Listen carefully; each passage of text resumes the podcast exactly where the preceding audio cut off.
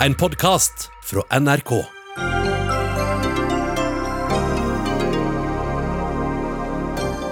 Nye reiseråd åpner for hele Norden, men ikke Sverige. Bortsett fra en liten øy som snart blir invadert av svensker fra hele Sverige. Hvor er logikken, spør vi Erna Solberg. Det er på høy tid at norsk idrett begynner å ta rasismen på alvor, sier en som selv er blitt mobbet og trakassert pga. hudfargen sin. Magasinet L anbefaler et skjønnhetsprodukt fra den samme personen som de har på coveret sitt. De sauser sammen reklame og journalistikk, sier journalist. Og norsk oljepolitikk er en sikkerhetstrussel, mener Miljøpartiet De Grønne, og ber om at Norge ikke får en plass i FNs sikkerhetsråd.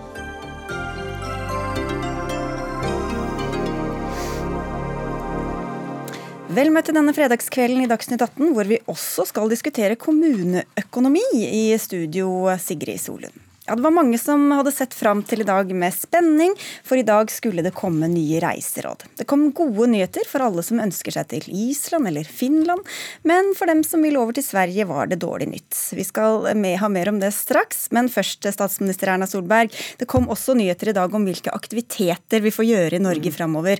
Hva kan vi gjøre i tida som kommer, som vi ikke har kunnet gjøre den siste tida? Nå øker vi jo denne arrangerte gruppestørrelsen fra 50 til 200. Det betyr jo at det er nok ganske mange flere aktiviteter som vil kunne åpne med et visst publikum. Eh, men det er fortsatt en énmetersgrense, så man må ha litt plass.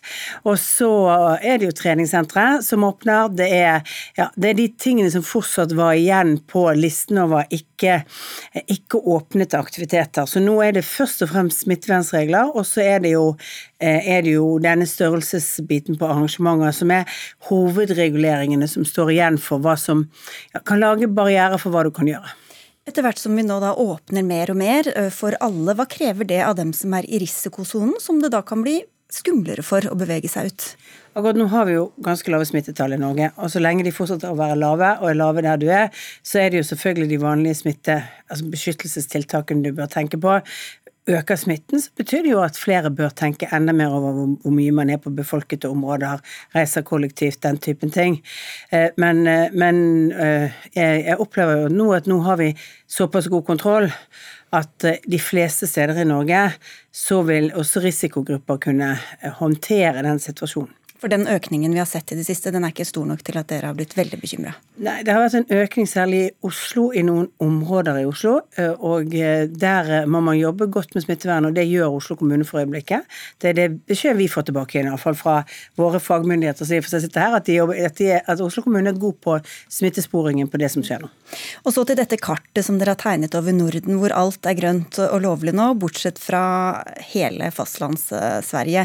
Hvordan kom dere til at, at Sverige skulle fortsatt holde så å si stengt, da? Altså, vi begynte jo dette arbeidet med et ønske om å lage en nordisk åpning for alle land, eh, men etter noen objektive eh, kriterier. Så viste det seg fort at det var ikke mulig for alle fem landene til å sitte sammen og gjøre dette sammen. Så har vi jo da i oppfølgingen av det som har skjedd i Danmark, bedt våre smittevernsmyndigheter. Så Folkehelseinstituttet har jobbet sammen med det danske folkehelseinstituttet og, og, jobbet frem kriterier for regioner, og hvilke kriterier skal vi ha for å si om denne regionen er, er grei å reise til, eller at folk kan reise fra den til, til våre land. Og eh, det er jo det settet med, med regler som da gjør at uh, hele fastlandssfære akkurat for øyeblikket ikke er, eh, når kriteriene. Men det er sånn at hver 14. dag så vil det bli gjort en faglig vurdering av det. Og da kan det jo være regioner som, som har lavere smitte, som kan åpnes. Sånn at det er Dette er jo et objektivt kriteriesystem som også vil gjelde oss selv. Hvis vi skulle få en smitteoppblomstring som går på disse kriteriene, ja, så må vi si at nå er dette et område hvor vi mener utlendinger ikke bør komme til, eh, fordi her har vi for høy smitte. Og Hvordan har dere kommet fram til disse kriteriene, Line Wold, du er avdelingsdirektør i Folkehelseinstituttet? Det er kriterier som vi har diskutert oss fram til sammen med Statens seruminstitutt i Danmark. Og det er et sett med tre kvalitative og tre kvantitative kriterier. Så det det går på er jo hvor stor andel av de som smittes som tester positivt, nei, av de som testes som tester positivt. Og så er det hvor mange nye smittetilfeller man har per 100 000 i løpet av de to siste ukene, men da i snitt per uke. Og så er det nye på intensiv. De to siste ukene. Også I tillegg så, så, har vi lagt vekt på de kvalitative kriteriene som går på at de bør ha et system på plass for smittesporing i eh, disse områdene, og at det skal være informasjon tilgjengelig for reisende. Og så skal det eh, også være vide testkriterier. At man sikrer at også de med milde symptomer testes. Men hvorfor ser dere på så store områder hvor én by kan trekke opp gjennomsnittet veldig mye, og kanskje ikke si så mye om regionen som sådan? Mm. Ja, det, det, er jo en utfordring å komme fram til kriterier som, eh, som, passer, og også regioner som passer eh, og sier mest mulig objektivt om situasjonen. Og eh, Vi har jo tatt utgangspunkt i de regionene vi da har informasjon om. og Hvis du brekker det ned på enda mindre områder, så får du jo en utfordring med at det blir veldig ustabile tall. Altså det blir små tall, og dermed kan det vippe opp og ned veldig kjapt. Og, og når du har litt større eh, regioner, så gir det jo litt mer større eh, stabilitet da, i mm. forhold til de vurderingene som gjøres. Men det er jo viktig å si at uh, her vil det også gjøres en totalvurdering av situasjonen i dialog mellom uh, landene. Og dermed så vil man kunne komme opp i en situasjon at hvis det skjer noe spesielt i den regionen i løpet av den 14-dagersperioden som uh, som eh, går mellom hver gang man har planlagt å vurdere situasjonen, så, så kan man komme fram til at uh, nå ser det sånn ut her at nå må vi fraråde reiser i den regionen. Ja, apropos denne dialogen, så viste du i dag på pressekonferansen Erna Solberg, til det gode samarbeidet med den danske statsministeren når det gjaldt disse vurderingene og disse kriteriene. Men hva har svenske myndigheter sagt eh, om den linja som Norge legger seg på? Jeg opplever at de er veldig glad for at vi har valgt å si at det er objektive kriterier. Så har vel de kanskje ment at de kanskje er litt stramme, de objektive kriteriene vi har, men, men, men at det ikke på en måte at vi bare har bestemt oss for å stenge grensen. For i utgangspunktet har vi nå åpent for reiser til, til, Sverige, med unntak av de regionene med for høy smitte. Og for øyeblikket er det veldig mange av de. Eh, så er det klart at svenskene har ønsket seg noe annet, men vi må ta hensyn til vår egen smittesituasjon. Altså det at vi har folk som, folk som har blitt permittert, som har mistet jobben, vi har konkurser. Vi har gjort masse ting i denne perioden for å få ned smittetallene våre, og da kan vi ikke importere inn eh, smitte utenfra. Selv om alt det vi gjør nå med åpning bidrar jo til å øke smittepresset, og potensialet er der. og Det er derfor vi går stegvis frem òg. Mm. At vi ikke åpner for mye av gangen, fordi vi må liksom føle, for å ha kontroll på veien. Men som du sier, så har det vært noen eh, reaksjoner fra Sverige underveis, i hvert fall. Eh, vi skal få inn en, eh, en fra Sverige her nå. Jonas Ludvigsson, du er professor i klinisk epidemiologi ved Karolinska instituttet. Og rent smittevernfaglig, hva mener du om at Norge nå stenger for reiser til så å si hele Sverige? Eh, men jag förstår ju naturligtvis Norge att man vill skydda sitt eget land, det är ju självklart. Liksom. Och det är väl så att Norge har varit eh, framgångsrika hittills i sin strategi för att begränsa smittspridningen av covid-19. Vi har ju haft många fler fall i Sverige, vi har haft en lite annan approach. Eh, vi har inte stängt ner samhället på samma sätt och vi har till exempel hållit även skolor och dagis öppna medan de har stängt i Norge. Så vi har haft en lite annan inriktning. Eh, jag kan väl tänka från som epidemiolog att man hade kunnat vara kanske ännu mer nyanserad. Att vissa delar av Sverige där man inte har så många eh, covid-19 fall men som ligger nära Norge. Jag, skulle kunna tänka mig kanske Värmland eller kanske delar av Norrland som ligger längs med den norska gränsen att eh, faran för smittoimport eh, inte skulle vara så stor. Eh, sen är det förstås så att Gotland är ju ett begränsat område. Eh, samtidigt är det väl få ställen i Sverige som har så många stockholmare som kommer på besök under semester som just Gotland. Vi, så vill man träffa til, ja, vi skal komme til Gotland eh, om, om, litt, men i morgen så åpner jo Sverige for at alle svensker kan reise hvor de vil. og Da kan de jo også reise til sine sommerhus som kanskje ligger nærme norskegrensen, til disse områdene som du nevner også. Ja, så er det jo. Erna Solberg, men du sa i dag altså at man kan kjøre gjennom Sverige eh, til Danmark og tilbake. Men de, som, de ganske mange nordmenn som har hus eller hytte i, i, eh, Sverige, de kan ikke reise på helgetur, selv om de holder seg helt isolert, handler i, i Norge eh, og ikke går ut av bilen før de er framme eller tilbake. Hvor er logikken der? Logikken er at det å transportere seg til Danmark med bil er en, er, er en effektiv måte å gjøre det. Så har vi ikke og så er det områder vi, altså vi kan jo ikke kontrollere eller annet. og Hvis vi hadde åpnet for alt dette, så hadde de gått på butikken. De hadde gjort handlingen sin i Sverige. Du sier at vi skal, vi skal, ha tillit, sier du. Da, vi er tillitsbasert, men, er, men, ikke til denne gruppa. Ja, men, nei, men det er faktisk sånn at vi må, vi, vi, må lage oss noen kriterier for dette. Og så kan man godt snakke om logikken og sammenlignbare, men det er sånn at svenskene og eh, Nei, danskene og Norge, altså vi har bestemt oss for at det er mulig å gjøre denne veien. Fordi at hvis ikke ville det vært veldig få som kunne reist både fra Danmark til Norge og fra, fra Norge til Danmark, for da hadde vært avhengig av fergene.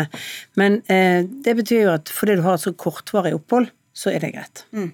Og så var det altså, som, eh, som, vi var inne på her, ett sted som man kan reise til som kanskje var ganske overraskende i dag, eh, nemlig Gotland. Hvorfor kom dere fram til akkurat Gotland, eh, Vold? Vi har jo sett på tallene som vi har fått av Eh, av statsepidemiologen i Sverige og det instituttet han jobber ved. Og så har vi gjort de vurderingene ut fra Altså basert på de kriteriene vi har satt, og gjort en objektiv vurdering. Og da var det Gotland som eh, ble grønn. Vi har med oss folk fra Gotland eh, også. Vi, Eva Nupelius, er øverste politisk ansvarlig på Gotland. Visste dere om dette på forhånd, at dere ble utpekt som nordmenns nye feriedestinasjon? Nej, det visste vi ikke. Det var et overraskende beslut når vi fikk det via media under dagen. Hvor mange, Vi hørte Ludvigsson eh, sneie innom det. Hvor, hvor, mange kommer til Gotland om sommeren fra ellers andre steder i, i Sverige? Vi har jo omtrent en million besøkere till Gotland på et år og ca. 10 procent av dem kommer fra, andre, andra, eller från utlandet. Då. Eh, de fleste fra Tyskland, men også Norge er en stor grupp bland våre utenlandske besøkere. absolut. Så att, det, det jeg tenker, er jo at det er väl, det er jo viktig at man nu då tänker på de regler som också gäller i Sverige, att det är viktigt att man reser på ett tryggt och säkert sätt och att man har en forsiktighet og tar et stort eget ansvar og følger de regler som vi da har satt opp i Sverige også. Sen er det jo positivt att eh, man kan, eh, eftersom Sverige også åpner opp for resandet nå, så er det jo positivt på det settet. Maria Amer, du er smittevernoverlege på Gotland. Du sa til Dagens Nyheter i dag at du ikke forstår det rasjonelle bak å åpne for nettopp Gotland. Hvorfor ikke? Ja, det jag tänker är att jag antar att man har tittat på äh, incidenstalen, alltså hur många smittade man har i förhållande till 100 000 invånare.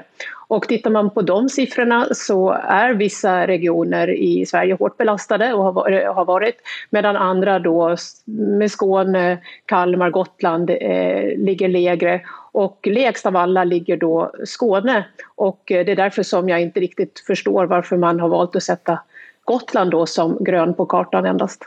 Men uh, frykter du for at dette kan sende mm, smittetallene opp? Ja, det finns ju en, en risk att uh, med uh, resande så och med fler besökare så finns det en risk för ökad smittspridning. Samtidigt så har man ju då identifierat att det viktiga är hur vi reser och att vi är friska när vi reser, att man avstår från att resa om man inte är frisk att man når när man kommer till ett annat ställe är lika noga med att tvätta händerna, hålla avstånd och eh, ta med sig de här råden och restriktionerna oavsett om man är på sin hemort eller dit man har tänkt att resa. Det er vi jo blitt vant til, Erna Solberg, men det høres ut som det kom litt overraskende på ja, vi har Gotland. At de... alle regionsmyndigheter i Sverige for, om dette, men, men, jeg har lyst til å si at, at eh, det, det, som blir som et poeng her, nemlig at man må følge lokale og det landets myndigheters regler. Det er kjempeviktig. Det forventer vi at alle som får lov å komme til Norge også vet. At de vet hvor de skal henvende seg hvis de blir syke når de er her. De skal ikke komme hit hvis de er syke, og hvis de blir syke, så må de vite hvor de skal henvende seg for å bli testet, komme inn i systemet. Også nordmenn må gjøre dette. Derfor sier vi til alle nordmenn som skal reise ut av landet, de må sjekke reglene. Vi hadde noen som reiste til Spania her forrige uke, som visstnok ble sendt tilbake inn til landet fordi de ikke hadde satt seg inn i spanske regler. Så må, det må sette seg inn i de enkelte landene, for det er ikke like regler i alle de nordiske landene nå for hvordan man håndterer det. Og så bare si det andre poenget som er viktig. Det er feriedestinasjoner hvor det kommer folk fra mange steder. Og det er litt av utfordringen uh, uansett i denne ferien som kommer nå. Og det er også derfor vi er litt ja, trege med å åpne for andre land. For en del steder som har hatt lav smitte, kan få mye høyere smitte det, eh, i løpet av kort tid fordi at det kommer så mange fra andre land. Men hvis man har sett på kartet, da, så kan man jo spørre seg hva dere anbefaler. Å kjøre gjennom hele Sverige for å komme til Gotland, eller å reise via smittehovedstaden Stockholm? Vil få lov å si det sånn, Vi har ikke gjort en særlig vurdering av reiseruter, eller at Gotland nå står øverst på nordmenns reisemål. Eh, vi, vil, eh, vi har ikke vært eh, reklamebyrå for Gotland i denne sammenhengen. Det er bare det at de har da nådd de kriteriene som Folkehelseinstituttet har satt opp, og det er ikke bare ett, det er tre fast og tre mer sånne kvalitative kriterier. Så det er jo det at summen på det så kom Gotland bra ut. Og vi har jo noen regioner til som vi håper kommer ganske raskt i den samme situasjonen, som ligger nærmere Norge. Men det, derfor vurderer vi hver 14. dag. Og kanskje også oftere dersom noe skjer, sånn som eh, dere var inne på, Eline Wold. Men da betyr det at hvis man planlegger en ferie til Danmark f.eks., eller Island eller disse andre landene som har åpnet opp, må man da legge inn en buffer, sånn at man har ti dager eventuelt å være i karantene i etterkant? Nå har jo situasjonen sett eh, god ut for eh, både Danmark og Island eh, i ganske lang tid. Så, men det er klart at hvis noe spesielt skulle skje, så kan man komme i en situasjon hvor, hvor det vil påløpe karantene i verste fall, når man kommer hjem. Så det, det går ikke an å garantere noe for akkurat nå. Men jeg tenker en annen ting som er viktig å si, er at de kriteriene vi nå har diskutert oss frem til, og som gjelder per i dag, de, de er jo ikke hugget i sten. Altså Her foregår det diskusjoner på europeisk nivå også, sånn at vi må ta, ta med oss det videre òg. At her kan det komme til å skje endringer fremover. fordi det det stadig er diskusjoner i ulike fora, bl.a. på Det europeiske smitteverninstituttet. hvor det også Og hos dere sikkert, Jonas Ludvigsson fra Karolinska instituttet, du ville kort innpå her? Nej, jag vet inte egentligen om det var någonting jag ville tillägga. Ja, jag, tycker det är bra med, jag tycker det är bra med att ha objektiva kriterier och, och sätta siffror på saker och ting eh, och sen bestämma utifrån det. Det tycker jag. Sen måste jag säga att jag tycker det är lite kul om norrmännen nu åker bil till Eh, Gotland för då eh, passerar de faktiskt mitt hus precis halvvägs strax utanför Örebro. Så jag ser fram emot norska flaggor ute på motorvägen. Ja, vi, får, vi får vinke fra inne fra bilen, Erna Solberg. Men, men, også til de som planlegger svenskeferie, de må i hvert fall legge inn en eh, karantenetid. De må iallfall tenke gjennom at ting kan skifte fort. Det betyr at, at du må kanskje tenke litt alternativt, for vi vet ikke nå og, og, det vet vi egentlig ikke for Norge engang, altså hvordan utviklingen kommer til å være. Så, så, det er litt planlegging under usikkerhet. Det eneste som er sikkert, er at alt er usikkert. Takk skal dere ha alle sammen for at eh, dere var med i Dagsnytt 18 denne fredagskvelden. Det med Gotland, da. En 13 år lang kampanje til mange mange millioner kroner har fått uventa motstand denne uka, da Greta Thunberg kastet seg inn i kampen mot at Norge får plass i FNs sikkerhetsråd. Det skal vi diskutere mot slutten av Dagsnytt 18. Men nå, tenk deg at du er tolv år, elsker å spille fotball, men på banen opplever du gang på gang at eh, motspillere og publikum sjikanerer deg fordi du har en annen hudfarge enn de andre på banen. Dette skjedde deg, Daniel Gitane Hatland. Du har eh, holdt disse opplevelsene for deg sjøl i 20 år, men nå vil du ikke tie lenger. Hvorfor ikke? Eh, nei, jeg føler liksom at nå er, nå er tiden ute for å fortelle folk at det skjer rasisme i Norge òg. Og jeg vil ikke at folk skal ha det sånn som jeg hadde i barndommen. Og nå er det på tide å fortelle at hvis du har problemer og opplever ting, så må du kunne tørre å melde fra. Og ikke minst når du melder fra, så må det, det må skje. Det må komme tiltak, du må få hjelp. Du uh, er født i Etiopia. Du kom til bygda Ostereidu noen mil utenfor Bergen. Og hva skjedde da du begynte å spille fotball som niåring? Nei, klart jeg er jo fra Etiopia. Jeg har en annen farge. Jeg uh, opplevde veldig mye rasistiske ting. Masse uvitenhet. men veldig masse stygt òg som gjorde at uh, jeg følte veldig lenge at jeg hørte liksom ikke hjemme. Jeg, uh, det var veldig tydelig at jeg var ikke norsk, og jeg var annerledes enn alle andre. Og det er klart det gjør noe med deg når du er så ung som jeg den gangen var. Men har du også opplevd det siden, eller var det i barndommen først og fremst? Nei, jeg opplevde det som voksen òg. Seniorspiller. Uh, ble kastet sjokolademelk etter kalt rasistiske kommentarer. Og lagde apelyder på når jeg spilte cupkamp mot Brann. Så det er klart, jeg har jo hatt det både i ung og voksen alder, men når du er voksen, så er det litt lettere å takle da. Du er trygg på det sjøl. Og Du fortalte om dette på God morgen Norge på TV 2 for noen dager siden. Hvordan har responsen vært i etterkant? Nei, Det er det som er veldig bra og trist. Responsen har vært ekstrem. Eh, og det er veldig mange andre som har stått fram og fortalt at tusen takk for at jeg tar en for laget, og kommer med sine historier. Og Det er derfor jeg er interessert i å høre noe hva tiltakene skal gjøre. Fordi at Norges idrettsforbund mener jo at det ikke er en prioritert sak, fordi det eksisterer ikke så masse rasisme i norsk idrett. Og det provoserer meg ganske kraftig. Og da ser du på din sidemann, eh, nemlig deg, Håvard Øvregård. Du er seniorrådgiver i Norges idrettsforbund, og er den som har ansvaret for det som gjelder rasisme og trakassering i idretten. Hva sier du til denne historien og responsen? Nei, altså Først så er det jo veldig bra at uh, Daniel tar opp saka. og jeg tror at Allerede nå så har det at han har tatt opp problemstillinga, har, uh, har, fått konsekvens, som vil gjøre det lettere for andre som opplever lignende ting. Men bare for å, for å avklare, altså, det er faktisk slik at norsk idrett generelt sett ikke har opplevd rasisme som et stort problem i de siste åra. En har ikke prioritert arbeid mot rasismen, har prioritert andre tema. Homohets, seksuell trakassering og overgrep. Og en har ikke gode rutiner spesifikt på håndtering av rasisme. og I tillegg så har det i løpet av de siste ukene eh, vært andre saker som har satt søkelys på at det er veldig få med minoritetsbakgrunn som er tillitsvalgte eller er ledere i norsk idrett. og Der er det også en stor ubalanse mellom eh, det som en ser i idretten av tillitsvalgte, og det som en ser blant aktive. Eh, og det, Dette må vi jo følge opp med noe. og Ledermøte på fredag så var det ledermøte i norsk idrett der alle særforbund, alle idrettskretser var samla. Der kom det opp et eh, forslag, det var Basketforbundet som foreslo at en skulle ha en resolusjon om rasisme i norsk idrett. Den ble tatt opp, og konsekvensen av at den resolusjonen ble tatt opp, er jo at her må det kommer, den resolusjonen må følges opp med tiltak. Men, jeg må bare si til Sara, men altså, Du sier jo at de ikke opplever det som et problem i norsk idrett. Men det er klart, hvorfor melder alle ifra til meg at de har akkurat samme opplevelse som meg? Det er jo fordi at en sier at det er ikke en prioritert sak fordi at en opplever det ikke. Hvis en heller går ut og sier at vi tror at det er et stort problem, så hadde det vært helt annerledes. Det er klart, Du sa at det var én til tre saker i året som ble meldt inn. Jeg har fått over 30 meldinger de siste 48 timene. Det er like mange som det har fått på ti år. Det er klart det er problemet mye større enn en tror. Hvordan vet dere at det ikke er noe stort problem? Nei, altså, eh, Vi må gå ut ifra etter det vi vet nå, så må vi gå ut ifra at dette er et mye større problem enn det vi ser det som, gjennom saker og henvendelser. Eh, og så er det klart at sånn, Én til tre saker det er det som har kommet til Idrettsforbundet sentralt. Det er i utgangspunktet ikke Idrettsforbundet sentralt som håndterer disse saker. Fotballforbundet for eksempel, har regelverk der i slike saker som det er beskrevet her, så skal kampen stoppes. Det skal gis melding. Det har detaljert i sikkerhetsbestemmelser på hva som skal sies. Skjer det, da? Jeg vet ikke i hva grad det har skjedd eller ikke, men det som jeg vet at i disse sakene så har det vært et problem at uh, en har vurdert å bevise og annet. Uh, men for å si det sånn, det er åpenbart at det er flere som opplever dette, enn de som tar kontakt via de ordinære kanalene. Det forteller oss at en har for lite tillit til at det blir fulgt opp. Og Det forteller oss at vi har vært for lite tydelige på at dette er en problemstilling som en må ta opp. Ja, hvis, hvis, deres utgangspunkt har vært at det ikke har vært et problem, hva har dere gjort for å få vite om omfanget nedover i deres rekker?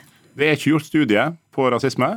Eh, og det må man bare si, sånn, det var I 2006, så var det en nei, 2008 så kom det en undersøkelse som heter 'Bedre med flere på banen', av Likestillings- og diskrimineringsombudet og NIH. og Der er rasisme tatt opp. Det er intervjuer med, med særforbund, og det er kommet råd til idrett. Og jeg vil si at sånn, Det er mange særforbund som har tatt dette opp, og som har klare regler på det. Men hvis en ser på idretten som helhet, så er det som jeg sa, det er andre saker som har blitt prioritert høyere. Men Hatland, dette, dine erfaringer er jo fra noen år tilbake. Nå har vi fått et mer multikulturelt samfunn. Eh, hvordan vet du at dine erfaringer, og også de som har meldt fra til deg, at det er representativt for eh, norsk idrett? Nei, men altså det er litt interessant det du sier. fordi at det er veldig masse snakk om at du kan stoppe kamper, du har rasisme, gir rasisme rødt kort. Du har veldig mange sånne eh, kall det positive ting utad. Men hva hjelper det å stoppe en kamp? Spørsmålet her er hva du skal gjøre etter den situasjonen. Sånn jeg meldte ikke fra første gangen jeg lagde apelyder til meg i den brannkampen, nettopp fordi at jeg ville ikke ødelegge for laget mitt. Jeg trodde at hvis jeg meldte fra nå, så blir ikke det tatt tak i. Det blir egentlig bare sånn snakkes, det syns synd på meg. Og så meldte jeg fra andre gangen, og da skjer det ingenting. Det er derfor jeg tror det er representativt. For det alle forteller meg, det er at de har ikke tørt å stå fram med det. Og de forteller at det skjer til hverdags. Sånn? Jeg vet at det er representativt, for det, det, er nylig. De forteller ting. Det er voksne folk, dette her. Leif Welhaven, du er sportskommentator i VG, og det er vel ikke tilfeldig at denne debatten kommer opp nå, eh, midt oppi denne rasismedebatten som vi har hatt de siste ukene? Det er klart altså, du ser, eh, altså, Internasjonalt så er det jo blitt et uh, veldig stort uh, fokus på dette, også da i kjølvannet av det som skjedde med Floyd uh, i USA. og Vi ser jo også nå at altså, markeringer mot rasisme har fått altså, en helt annen altså, plass også i, i idretten. Og det i, i, seg selv er jo altså, i hvert fall positivt at man våkner på den måten. Og da er det jo kanskje logisk at det kommer en uh, diskusjon som kanskje burde vært tatt mye tidligere, også her i Norge. Hva er din oppfatning av hvordan norsk idrett har behandlet disse spørsmålene om, om rasisme? Altså jeg, jeg, får vel et inntrykk av at det mangler ganske mye kunnskap. Altså Husk på at vi har 11 000 eh, idrettslag i Norge, og det var jo interessant altså f.eks. å lese noe som altså ble offentliggjort av Norges idrettshøyskole tilbake altså i 2016, hvor det ble gjennomført en studie, altså riktignok altså en kvalitativ studie, altså det sa ikke så mye om antallet, men altså hvor, snakket, men altså hvor det var veldig interessante ting som kom fram, hvor man altså hadde dybdeintervjuet eh, både menn og kvinner med fremmedkulturell bakgrunn. og altså Konklusjonen til forskeren er at det er et rasismeproblem i eh, norsk idrett, og det ble altså trukket fram at lederne i for liten grad altså tok det inn, altså, tok det over seg. Og Her var det f.eks. interessant å se hvordan også mennene fortalte om altså mer direkte utslag av rasisme, mens mer indirekte rasisme, en veldig sånn stereotyp eh, fremstilling, var det altså, som flere av eh, kvinnene hadde opplevd. og Bare ut fra det så er det i hvert fall en indikator på at dette er et problem. Og Når man vet at det finnes rasisme i samfunnet, så må man vel anta at det også finnes i idretten. Så hva har dere gjort for å finne ut av det og motvirke det? Nei, altså, her må jeg bare innrømme sånn, Rasisme har ikke vært en høy prioritet i siste åra. Det vi har blant annet prioritert, det er arbeid med homohets. Men jeg ser jo at erfaringene vi har for å ta opp diskriminering av personer basert på seksuell orientering, er erfaringer som vi kan og bør bruke når det gjelder diskriminering basert på hudfarge, landbakgrunn. Og Et av punktene der er at det skal ikke være den som er utsatt for diskrimineringa, som skal være nødt til å melde fra sjøl. Vi har alle et ansvar. Hvis noen registrerer slike ting som Daniel refererer til har skjedd på kamp, så har alle et ansvar. Medspillere, ledere, trenere har et ansvar for å rapportere det inn og sørge for at det blir en sak. Det skal være nulltoleranse for diskriminering i norsk idrett. Ja, nei, så Det er greit, det kan jeg være enig i, men det som jeg lurer på når han sier det at eh, det har ikke vært en prioritert sak Det er klart å sende et signal. Hvorfor har det ikke vært en prioritert sak? Er det økonomisk? Er det snakk om økonomi? Er det snakk om at en ikke tror at det finnes tilfeller? Jeg lurer på hva tiltakene Er Er det en plan nå for konkrete tiltak? Skal en sette seg ned nå og ha team? Skal en ta det inn i trenerutdannelse? Det er klart, Samfunnet endrer seg jo. Sånn som du var inne på, når jeg var ung, så hadde en ikke kompetansen. Det er et multikulturelt samfunn nå. Hva er planen videre? En er nødt til å få svar på det. Eh, tiltakene er ikke klare nå, men det vil komme tiltak. Fordi at eh, ledermøtet har bedt om det, fordi at det er større oppmerksomhet om det i media. Og jeg tror at den erkjennelsen som det norske samfunnet har fått om at det er mer rasisme enn hva de med majoritetsbakgrunn tror, den erkjennelsen har også idretten fått, takket være bl.a. at du har tatt opp temaet. Da venter jeg på innkallelse til det møtet. Ja, Da får vi ordne det. Ja. Det er jo et problem her om du har gode nok eh, lytteposter. Altså, det er fint at man vedtar en resolusjon, men altså når 13 av 386 styremedlemmer i særforbundene har en annen eh, hudfarge enn hvit, og det inkluderer cricket, som, som jo også da langt på vei utøves av av personer med en uh, annen hudfarge enn hvit, så er det jo snakk om at det er da på lederen i norsk idrett. altså Er man skodd for å skjønne hva som skjer? Her er det jo et kjempestrukturelt problem altså på ledersiden. altså Skal man få gjort altså noe om dette, så må man være inkluderende i praksis og ikke bare på papiret. Men er det nødvendigvis idrettens problem, eller kan det være at det er mange som ikke engasjerer seg eh, fra minoritetsmiljøer, eller altså de med minoritetsbakgrunn? Ja, Det kan jeg egentlig svare på.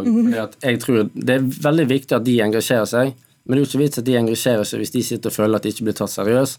Og det er klart, eh, Spørsmålet eller det du nevnte nå, det er jo veldig relevant. Fordi eh, altså, det, økonomi skal ikke ha noe å si på hva en prioriterer. Altså, Jeg er jo selvfølgelig for at eh, om du er homofil eller hva det er, at alt, vi lever i et samfunn, alt skal være akseptert. Jeg skjønner ikke at vi sitter og diskuterer dette, men det kan ikke være sånn at én måned så prioriterer vi homofili, én måned så prioriterer vi rasisme, og neste måned så er det noe nytt. Det blir helt feil. Men, men det er sånn, en, en har ikke forstått hvor eh, stor og omfattende rasisme og diskriminering basert på hudfarge, etnisitet og landbakgrunn er både i Norge og i idretten. Nei, der, der har skjedd en våkning. Og så, og så er det at vi har jobba Hvorfor har dere ikke forstått det, da? Jeg vet, jeg, jeg, vet, jeg må ja. få si det. For det, det, er akkurat det jeg koker ned til. De har ikke forstått det fordi de har ikke min hudfarge. Men hvis du spør dem om mobbing, diskriminering på andre måter, da kjenner alle seg igjen. Altså Rasisme er jo bare fordi at det er en annen etnisitet. Ja, men... de kan, det går ikke an for en som er hvit å skjønne hvordan jeg har det som er mørk, ja. men de kan veldig godt skjønne hvordan de blir diskriminert på andre områder. Men det er der vi, altså vi har jobba med kjønnsbalanse. Vi har blitt utfordra fra VG og fra NRK og andre på kjønnsbalanse i norsk idrett. Det har vi jobba veldig målretta med for å se hvordan en kan bedre. Der har vi noen erfaringer på hvordan vi skal bedre ubalanse. Og nå var idrettspresident Berit Kjøll sa til TV 2 for tre dager siden at de tallene som er, som Welhaven nettopp refererte til, de kan ikke vi leve med. Disse tre promillene ja, ja, ja, det kan ikke vi leve med. Vi må gjøre en innsats for å få flere trenere og ledere med minoritetsbakgrunn. Og det er ikke de enkeltpersonene sitt ansvar, det er vår norsk idrett sitt ansvar ansvar. Dere har jo et motto som er idrettsleder for alle, og da er det faktisk uforståelig at dette temaet ikke har vært satt høyere på dagsordenen. Altså fra en så homogen forsamling som det er norske idrettsledere. Er. Dette burde man ha skjønt, eller i hvert fall forsøkt, altså ikke kunnskap om tidligere. Det vi har prioritert, vi har prioritert deltakelse i aktivitet. At blant de som deltar i idretten, gutter og jenter rundt omkring på alle mulige arenaer, at vi skal ha en god balanse der. Det har vært en prioritet som vi har jobba med og hatt høy innsats på.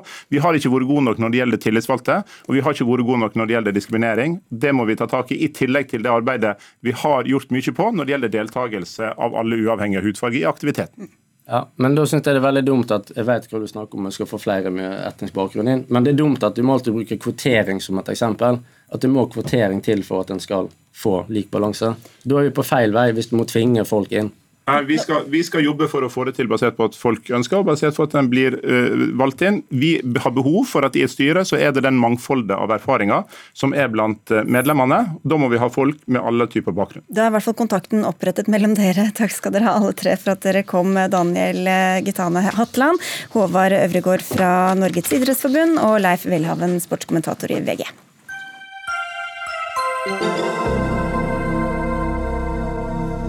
På forsida av magasinet Els siste nummer i Norge var modell og gründer Camilla Pil. I nettutgaven hadde redaksjonen en test av øyemasker, hvor bildet av den samme Pil pryder saken, og hvor Pils eget merke troner på toppen over redaksjonens øyemaskefavoritter. Og dette fikk deg til å blåse ut anmelder og journalist Erle Marie Sørheim. Hva er så farlig med at L fronter en person og tester øyekremen hennes i den samme tidsperioden? Nei, det er jo eh, et eh, ganske sånn 100 eh, bevis på tekstreklame. Så jeg reagerte ganske instinktivt, for jeg gikk inn på nettsiden, og så står det oi, enda et bilde av Camilla Pil. Men da er det et PR-bilde av henne, og så er det da denne eh, anbefalingen L anbefaler tilfeldigvis øyemasker, og det er Camilla Pil er den beste. Hun er på coveret også, og det er jo bare utrolig for et sammenfall. Og da har de skrevet Jeg måtte skrive denne. Disse kan du ikke ha unngått å få med deg på Instagram, og de gjør jobben. Men L gjør ikke sin jobb, fordi det de da fortsetter med, er å printe Camillas egne tips. Så det er da fortsetter med Camillas tips om sine egne øyemasker, som er da presentert som Ls anbefaling. Det er vel ganske sånn posterboy-uttrykket av, av tekstreklame. Og det reagerer jeg på som journalist. Det er litt sånn som at jeg skulle uh, vært uh, Jeg er litteraturanmelder, og det er litt som at jeg skulle sett uh, at folk posta en spennende bok på Instagram, og så kontakta forfatteren og spurt hei, kan du skrive noen setninger om boka di i anmeldelsen min. Julie Malén Jensen Leirvåg, du er digitalredaktør i L. Hvorfor fronter dere en person og anbefaler øyemasken hennes i løpet av kort tid? Nå vil jeg si at Det er ganske stor forskjell på å fronte en person og det å ha en person på cover av L. Det er en redaksjonell beslutning som eh, redaksjonen har tatt. Eh, vi skriver om øyemasker. I den saken så er det åtte øyemasker.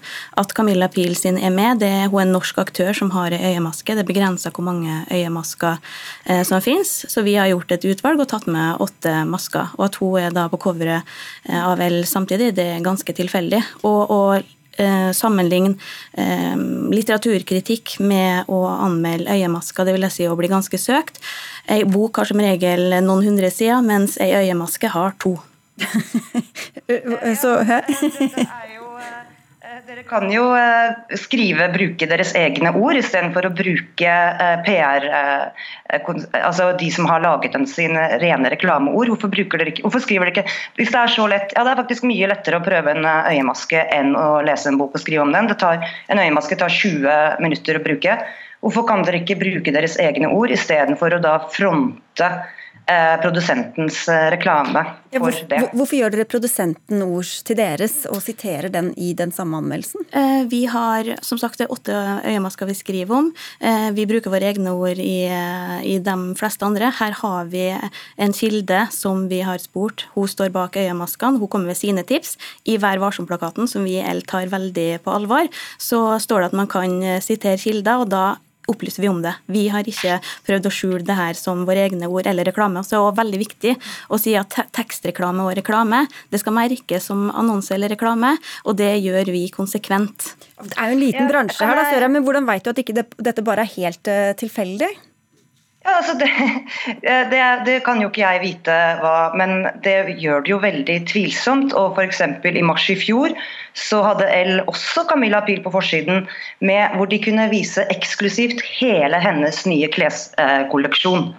Og da blir det jo bindinger her som er veldig tvilsomme. og jeg synes eh, at den lemfeldige holdninga til motemagasinet på dette området, det er skadende for journalistikken eh, generelt. Så du får en sånn eh, at umerka reklame, siver inn i redaksjonelle om, omtaler, er eh, ødeleggende for alle, særlig nå når journalistikken allerede har, begynner å få et dårlig rykte og, ja. på å være partisk og sånne ting. Ja, det stemmer at vi har Camilla Pil på cover i mars, eh, og vi fronter kolleksjonen hennes. eh, Og det gjør vi fordi at det er av allmenn interesse. Camilla Pil er en av de største influenserne og gründerne vi har i Norge, og det er ikke rart at et motemagasin viser hennes kolleksjon. Og der igjen har vi ingen kommersielle bindinger til kolleksjon og ingen økonomisk vinning. Men dette handler jo om troverdighet, så, så, og man kan stole på det dere sier. Og blant annet så reiser dere også på betalte reiser for å få tilgang til attraktive um, intervjuobjekter for dere. Og så merker dere det.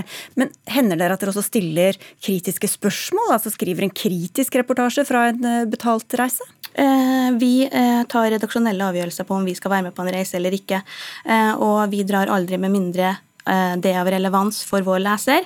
Eh, Derfor så får vi tilgang til de her intervjuobjektene, og det er vi eh, som tar redaksjonell beslutning på hva det skal skrives om. Eh, Den annonsøren har ingen føringer. Men, men hender dere at dere skriver kritiske reportasjer fra reiser dere er blitt betalt for å være med på? Eh, nå har jeg ikke vært med på, jeg jobba i to år, så jeg har ikke vært med på en sånn type reise. Men blant annet så har vi i år intervjua Adut Akesh, som er en av verdens største modeller. Hun var der for å promotere en parfyme. Vårt intervju handla i hovedsak om hun, hennes liv som flyktning og supermodell. Og litt om parfymen, vil jeg tro, da. Det var litt om parfymen òg. Men, men for å ta et annet eksempel som jeg leste, det var tidligere i år hvor dere hadde en reportasje med, som var betalt av nettbutikken Zalando, som skulle lansere en såkalt bærekraftig linje. Ikke et eneste kritisk spørsmål eller innvending om hvor bærekraftig det er å stadig kjøpe eller produsere nye klær, eh, om, eh, om grønnvasking eller andre aktuelle temaer. Hvorfor ikke? Eh, Jeg tenker at Det er et veldig stort og komplekst spørsmål. og vil alltid, altså Det med bærekraft er vanskelig å definere. da. Hvorfor vi ikke har stilt noen kritiske spørsmål, det vet jeg ikke, for det var ikke jeg som har skrevet reportasjen. Mm, Men um, det er jo ikke gravejournalistikk som skal vinne SKUP-prisen her, eh, Sørheim. Hva er det som er så gærent med å vise fram gode produkter, som hvis så lenge det er redaksjonen selv som syns de er gode? Jeg vet ikke om redaksjonen syns de er gode, for ut av det de skriver, så er det de, de sier at du gjør jobben, men jeg vet ikke hva det betyr. Eh, Jeg, faktisk, jeg er dessverre i den aldersgruppen hvor øyemasker begynner å bli en ganske sånn viktig ting. Og, eh, og jeg ble ikke overbevist, for å si det sånn. Så den som leser syns jeg også det er så useriøst. De viser totalt eh, mangel på kritisk tenkning. Og jeg koste meg litt med tekstreklameplakaten her i stad. Det er jo sånn man som journalist bør gjøre innimellom. Og det var så mange ting som er relevant, da, men poeng poeng seks, eh, punkt seks for eksempel, begynner med unngå ukritisk videreformidling av PR-stoff. Vel. Den syns jeg var kanskje sånn 100 treffende. Ja, kan, kan Leive, kan du få svar på dette? Altså, Tekstreklameplakaten er en del av Vær varsom-plakaten som pressen skal Ja, følge. og den følger vi fullt ut. Og vi har eh, ingen eh, klager eller fellelser i eh, PFU. Så jeg tenker at da er det bare å melde inn. ok, Sørheim, da vet du hva, du hva du kan gjøre. Ja, jeg kan det. Men, men bare for å spørre til slutt her, Leirvåg, er det sånn at dere lar være å omtale produkter kritisk av hensyn til annonsørene deres? Absolutt ikke. Vi, har, vi tar eh, eh, vårt oppdrag som journalister på alvor, og så er det klart at L sin samfunnsoppgave er ikke den samme som en eh, gravejournalist. Og jeg tenker at vår leser vet hva vi eh, står for, og velger å lese L av den grunn. Og vi har en, et veldig dyktig team med, med journalister som tar jobben sin på alvor, og vi er veldig eh, opptatt av presseetikk. Ok, Sørheim til slutt, kort innpå. Ja, nei, Det er jo greit at hun sier det, men det er ikke det inntrykket man får av L. Sånn alt, er jo merka, alt er jo merka med annonse og reklame som er annonse og reklame. Nei, det, er ingen... det, er ikke, det, er jo ikke, merket med annonse eller reklame. Du sier om redaksjonelle valg, og så har den samme redaksjonen valgt at Camilla Pil skal være på forsiden. Ja, det er jo skillet mellom reklame det er det som er skillet mellom reklame og, og redaksjonelt innhold. Å anbefale hennes øyemaske med PR-bilde fra hennes byrå, og hun får snakke uten noe annet at dere skriver noe annet. Det hadde det vært reklame, så hadde det vært merka med reklame nå, som alt annet. Nå blir jeg veldig bekymra for at vi skal bli meldt inn for tekstreklame for denne øyemasken. Jeg nekter å si navnet en gang til, men sier i hvert fall tusen takk for at dere var med, Erle Marie Sørheim, som er anmelder, journalist og forfatter, og til deg, Julie Malene Engel Jensen Leirvåg, som er digital redaktør i L. Hør Dagsnytt 18 når du vil. Radio NRK Radio.nrk.no.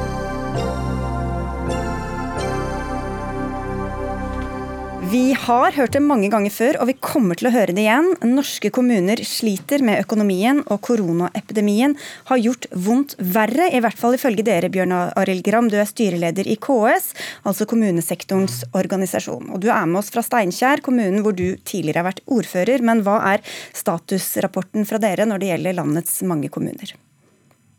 Ja, Det som er klart er at eh, allerede ved inngangen til det året, før noen hadde hørt om korona, så var det krevende budsjettbehandlinger for norske kommuner. Det var vanskelig å få det til å gå i hop. Man har budsjettert med lavere marginer, mindre reserver enn vanlig. Eh, og Så kommer da korona på toppen, eh, med den usikkerheten det medfører. Og Det vi ser rundt omkring i Kommune-Norge nå, er jo at det foregår budsjettrevisjoner. Og Daglig kan vi lese avisene og høre i mediene at det, det innebærer ganske omfattende omdisponeringer, nedskjæringer, endringer av aktivitet osv. for å prøve å få regnskapet 2020 til å gå i hop. Så det er ganske tøffe tider nå. Og I går kom jo nyheten om hvordan kommuneøkonomien skal bli neste år, etter at regjeringspartiene ble enige med Fremskrittspartiet der. og Kommunal- og moderniseringsminister Nikolai Astrup, hvorfor kompenserer dere ikke kommunene bedre for de tapene de har lidd de siste månedene? Jeg har vært tydelig fra dag én at vi skal stille opp for kommunene, og vi skal kompensere for, uh, for merutgifter og mindreinntekter som følger av korona. Og vi har jo nå også Eh, allerede bevilget eh, mange milliarder, eh, og kommunene får økt handlingsrom som følge av lavere lønns- og prisvekst i inneværende år. Samlet sett så utgjør det rundt 25, eller overkant av 25 milliarder kroner i økt handlingsrom for kommunene i år. Så, og Jeg registrerer også at det er enkelte kommuner som mener at det ikke går i hop. Jeg har jo hatt tett kontakt med kommunene hele veien, hatt tett kontakt også med Bjørn Arild Gram. Og Vi har eh, sett på tallene, og det er klart eh, mange kommuner er bekymret for hvordan året blir til slutt. Det er ingen kommuner som mangler penger nå. Vi også kjenner på den usikkerheten, og derfor har vi vært tydelige på at eh, kommunene må legge våre anslag til grunn. Men hvis, de, hvis vi bommer på de anslagene, så er vi selvfølgelig nødt til å komme tilbake og bidra med mer penger. Så uh, dette tror jeg skal gå ganske bra. Jeg har sett på, også hatt møte med en rekke Du, du føler deg trygg på at ikke tilbudet kan bli dårligere til eh, eldre, unge Jeg føler meg veldig trygg på det. og uh, Jeg leste f.eks. at Oslo var bekymret for det. De har nå revidert sine budsjetter. og Hvis man går inn i de tallene, så ser man at ja, uh, de har, får bl.a. lavere inntekt fra kraftselskapet som de eier. Det skyldes ikke korona. Det utgjør 700 millioner. Det gjør at de må revidere sine budsjetter. Men hvis du ser på det som er koronarelatert, så er det veldig godt samsvar mellom det regjeringen har stilt opp med, og de utgiftene kommunene faktisk har hatt. Det samme gjelder for Tromsø, det gjelder for Bergen, som jeg også har hatt møte med. Så eh, bildet er et litt annet eh, enn det man kan få inntrykk av når man leser avisen. Det er ingen grunn til å kutte i grunnleggende tjenestetilbud okay, til innbyggerne. Og kanskje kommer det mer i gram? Ja, altså, for Det første så det er det korrekt at det ikke bare er korona som gjør at det nå er kutt i kommunesektoren. Eh, det er jo like alvorlig uansett hvilken årsak det er.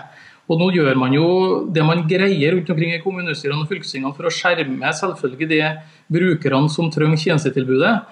Men det er så store tall nå i sum fordi at den i utgangspunktet kommuneøkonomien er stram. Det er det er også underliggende utgiftspress innenfor mange tjenester, ikke minst innenfor omsorgen, pluss usikkerheter med korona. Og da, og Jeg hører jo hva kommunalministeren sier, men vi har også bedt storting og regjering om eksplisitte garantier for at man kompenserer alle utgiftsøkninger og inntektsbortfall. Men jo, hvorfor kan man ikke da være så tydelig på det når man nå behandler denne sakene, her, sånn at vi får i hvert fall tatt bort den usikkerheten når vi nå reviderer budsjettene? Du skal få svare, Astrup, men vi skal få inn deg også, Kirsti Bergstø. Du er nestleder i eh, SV. Dere vil jo gi mer penger til kommunene sammen med de andre opposisjonspartiene som ikke var med på den avtalen. Men kan det noen gang bli nok, når man ikke engang vet hvordan utviklinga kommer til å gå? Her er det et spørsmål om eh, hva man kan gjøre eh, for å forhindre oppsigelser eh, og kutt i arbeid og tjenester og velferd i kommunene. Fordi at det er en veldig, veldig alvorlig situasjon. Når vi ser at kommunene har fått for lave overføringer over tid, man har fått flere lovpålagte oppgaver skal ha flere tjenester som ikke blir kompensert, men som man likevel må oppfylle. Eh, Regjeringa har endra i refusjonsordninga for f.eks. Eh, folk som trenger ekstra ressurser, som bare for en kommune som Tromsø har utgjort 20 eh, millioner. Eh, og det her eh, er jo, eh, er jo, en veldig alvorlig situasjon. Selv er jeg folkevalgt i Troms og Finnmark. Jeg har gjort det jeg kan for å redde båtene til veiløse samfunn. Det er der vi er, for det kniper så forbanna hardt på nå. Og vi ser at en kommune som Ringsaker mangler 100 millioner. Snakk om at de må kutte 34 årsverk. Og hvem er de folka da? Jo, det er jo lærerne til ungene våre. Det er de som tar vare på eldre på, på, på sykehjem. Det er dem som sørger for at vi er friske gjennom godt renhold. Og jeg vil gjerne ha en garanti her i dag av kommunalministeren på at de ekstrautgiftene man har eh, som følge av koronasituasjonen, og også de tapte inntektene man har eh, som følge av skattesvikt, faktisk blir kompensert fullt ut. Okay, da har vi to bønner om garanti, Astrup. Ja, og Jeg garanterer at regjeringen skal stille opp for kommunene. Det er gjort fra dag én, og vi har da også gjort det. Eh, og vi kommer til å fortsette å gjøre det. Men nettopp fordi det er så stor usikkerhet, så er vi nødt til å vite mer. Og vi vet f.eks. ikke hvordan skattesvikten blir før ved slutten av året. Og Verken Kirsti Bergstø eller, eller eh, Bjørn Arild Gram kan spå om hvordan neste halvåret blir. Til det er usikkerheten altfor stor. Men må ikke kommunene nå finne ut av hvordan ja, de skal holde på de neste månedene? Ja, og Derfor så må faktisk kommunene legge regjeringens anslag for skattesvikt til grunn og regjeringens anslag for lønns- og prisvekst, som ikke er et uttrykk for et politisk ønske om hvordan lønns- og prisveksten skal bli, men et faglig anslag fra Finansdepartementet, som helt ordinært legges frem i alle reviderte nasjonalbudsjett hvert eneste år. Og Hvis vi da bommer, så er, må jo regjeringen selvfølgelig komme tilbake. Men de kommunene som nå har sagt de skal kutte, en del av dem har jeg ringt til og spurt hvilke anslag har de lagt til grunn. Og Da kommer det frem at de har lagt egne anslag til grunn for hvordan de tror skattesvikten blir, og legger opp til å kutte tjenestene med utgangspunkt i det. Det er feil fremgangsmåte, og det har jeg vært tydelig på overfor kommunene. De må legge våre anslag til grunn, og så skal vi kompensere hvis vi bommer. Og Blir det blir en ny smittebølge til høsten, så vil det også bli nødvendig å komme tilbake med nye tiltak, og det er vi tydelige på at vi skal. Så det er kommet en garanti, men kommunene lytter ikke, Bergstø stoler ikke på tallene de har fått fra regjeringa? Kommunene sliter med å få endene til å møtes i dag. Eh, og det er jo eh, sånn at kommuneøkonomien allerede var, eh, var kritisk. Og nå er det jo vi i ferd med å få en koronakrise som blir en kommunekrise. Og der har vi tre krav. Vi krever at høstens budsjett skal gi et skikkelig løft til kommunene. Eh, altså det budsjettet som gjelder for neste år, ja. ikke dette vi snakket Nei, om? Eh, og det trengs kraftfull mobilisering for det. For vi har hørt regjeringa si at kommunene har fått mer penger igjen og igjen og igjen, men det er jo ikke den virkeligheten eh, folk ute i landet opplever når man skal få endene til å møtes.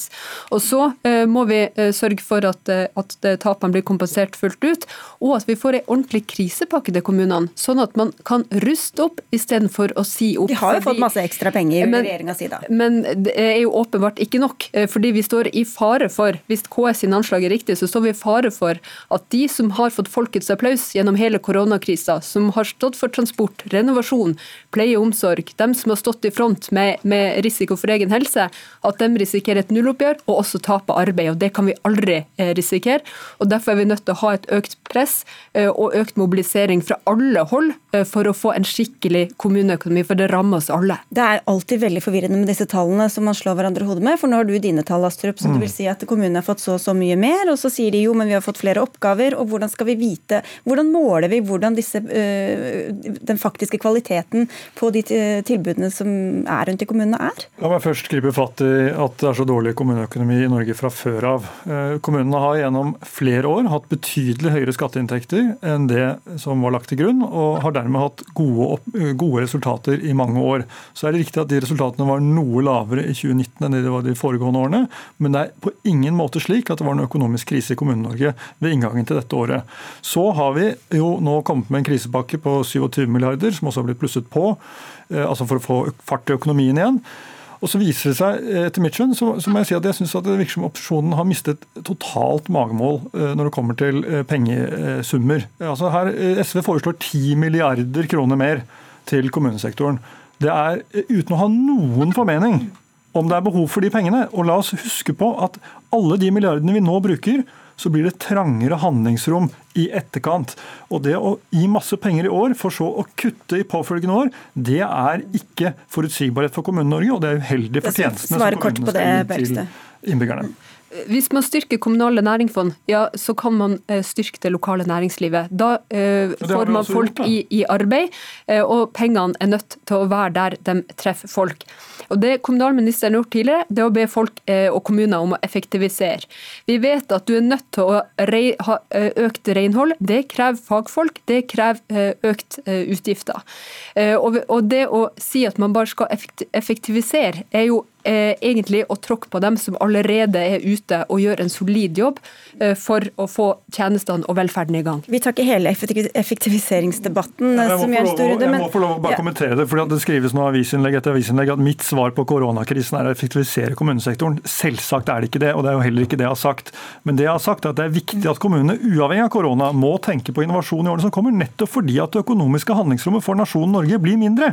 Og det virker som opposisjonen ikke er i nærheten av å ta inn over seg de økonomiske realitetene som vi står i, uavhengig av Men, koronakrisen. Dere, jeg vil bare avslutte med Gram også, fordi at du, du svarte ikke på dette fra Astrup om at kommunene, du må melde tilbake til kommunene at de må forholde seg til de anslagene som ligger fra regjeringa. Hvorfor gjør ikke kommunene det? Ja, og det mener jeg at kommunene må gjøre. Men det er også stor Heller ikke Astrup kjenner eh, fasit ennå. Det er ingen av oss som gjør det. og Det er jo nettopp derfor at vi ber om at når man kjenner regninga, når man har svaret, at man da kan forsikre om at da vil kompensasjonen komme. Astrup sier jo nå at man vil stille opp for kommunesektoren videre framover. Det, det, er jeg jo glad for, men hva betyr det egentlig? Det siste vedtaket fra Stortinget sto det at man skulle kompensere urimelige virkninger av korona. Hva betyr det? Står, veldig kort, det står i kommuneproposisjonen eh, og Stortingets behandling av den vi skal komme tilbake, vi skal kompensere. og Dette trenger ikke Gram å bekymre seg for, for vi har også satt ned en arbeidsgruppe sammen med KS, slik at de skal ha direkte innvirkning på det arbeidet som nå skal gjøres. Og Siste ord er ikke sagt, men det må bli det i denne runden. Takk skal dere ha alle tre for at dere var med i Dagsnytt 18.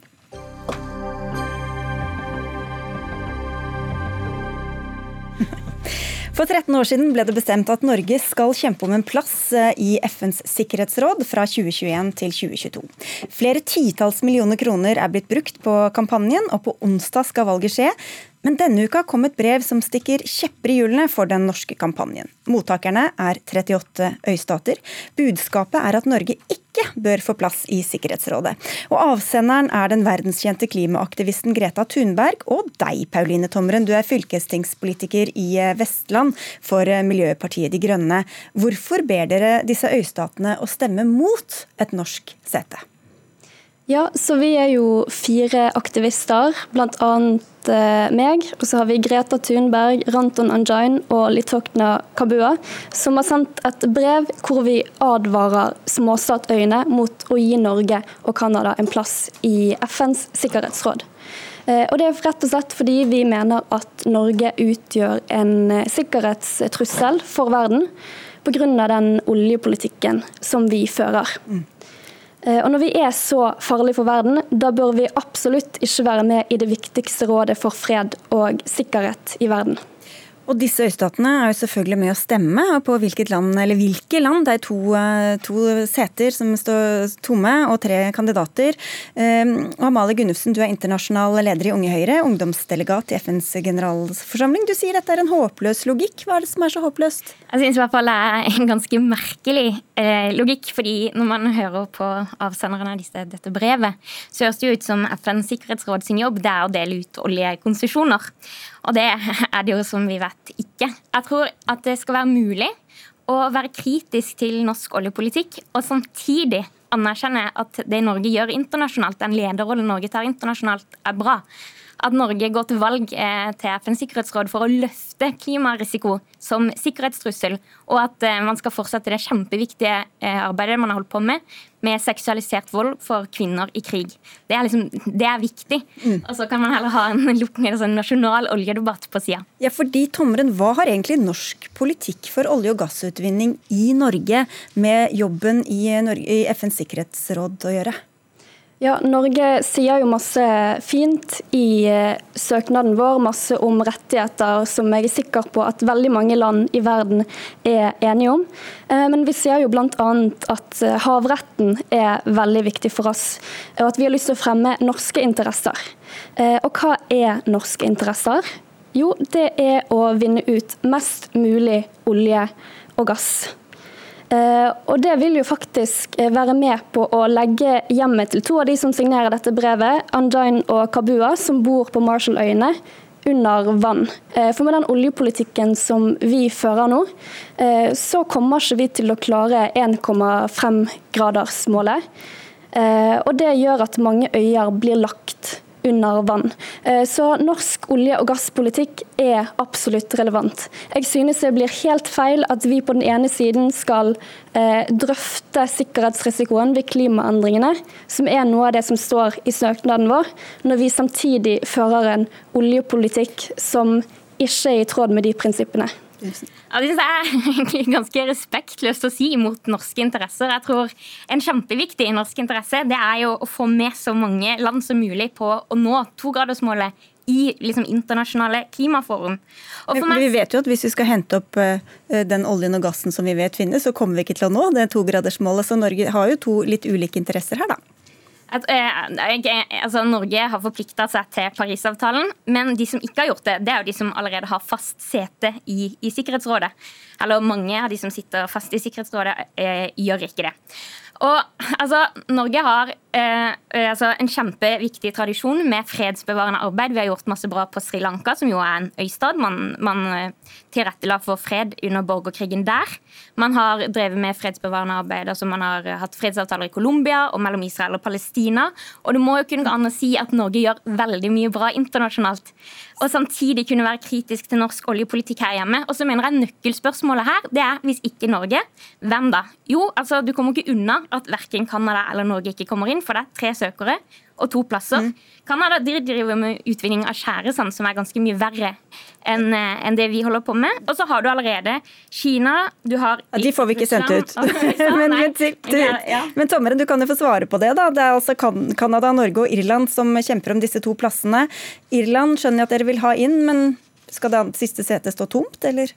Ja, altså De plassene må jo fylles opp. Så det minst ille scenarioet her det er jo at Irland får en av plassene, og så får Norge og Canada en av de andre plassene. Men jeg tenker at det er utrolig viktig å advare eh, øystatene, sånn som vi gjør i dette brevet, mot at den politikken som Canada og Norge fører, den er det stikk motsatte av deres interesser. For vi vet at en tredjedel av den oljen og gassen som vi allerede har funnet, den må ligge under bakken hvis vi skal kunne klare eh, å nå 1,5-gradersmålet. Og Hvis vi gjør det, da er det fremdeles bare en 50% sjanse for at vi klarer å nå det målet. Og fordi Norge sier også at de ønsker en plass i Sikkerhetsrådet citat, for å bidra til å løse krig og konflikter, bl.a. for å bevare norske investeringer i bærekraftig utvikling, redusere behovet for humanitær bistand. Hvordan skal det gå til med den oljepolitikken som Norge fører nå? Altså For det første så har Norge forsterka klima, eh, klimamålene sine inn mot Parisavtalen. Og så driver man jo med ganske mye bra klimapolitikk internasjonalt også, da. Man investerer jo, gjør store investeringer i fornybar energi og i avskoging. Og det er jo ikke noe tvil om at det er i, i Norges interesse å klare å nå togradersmålet. Men så er det jo også sånn at hvis ikke Norge produserer olje, så kommer det noen andre og produserer eh, energi på en mindre miljøvennlig måte enn det vi gjør her. Og jeg vet at Grønn Ungdom mener at det ikke telles fordi at eh, det er så mange som har forplikta seg til ambisiøse klimamål. Men det er også sånn at vi blir flere og flere i verden, og flere som løftes eh, opp eh, til bedre levestandarder, og de trenger også energi. Da har du ti sekunder på, på tampen her, Tommeren. Ja, eh, det som du sier, vi mener at vi ikke bør eh, utvinne mer olje. Og de som kjøper mest av oljen vår, det er EU-landene. Og det er noen av de landene som er på vei til å gå over til fornybar samfunn. Og til uka får vi altså vite om alle disse millionene vil betale seg for eh, Norges del. Takk skal dere ha begge to, Amalie Gunnufsen fra Unge Høyre og Pauline Tomren fra MDG. Dagsnytt 18 er over og ønskes god helg fra Siri Finnva Moen, Hanne Lunås og meg, Sigrid Solund.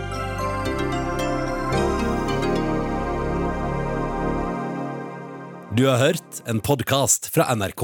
Hør flere podkaster og din favorittkanal i appen NRK Radio.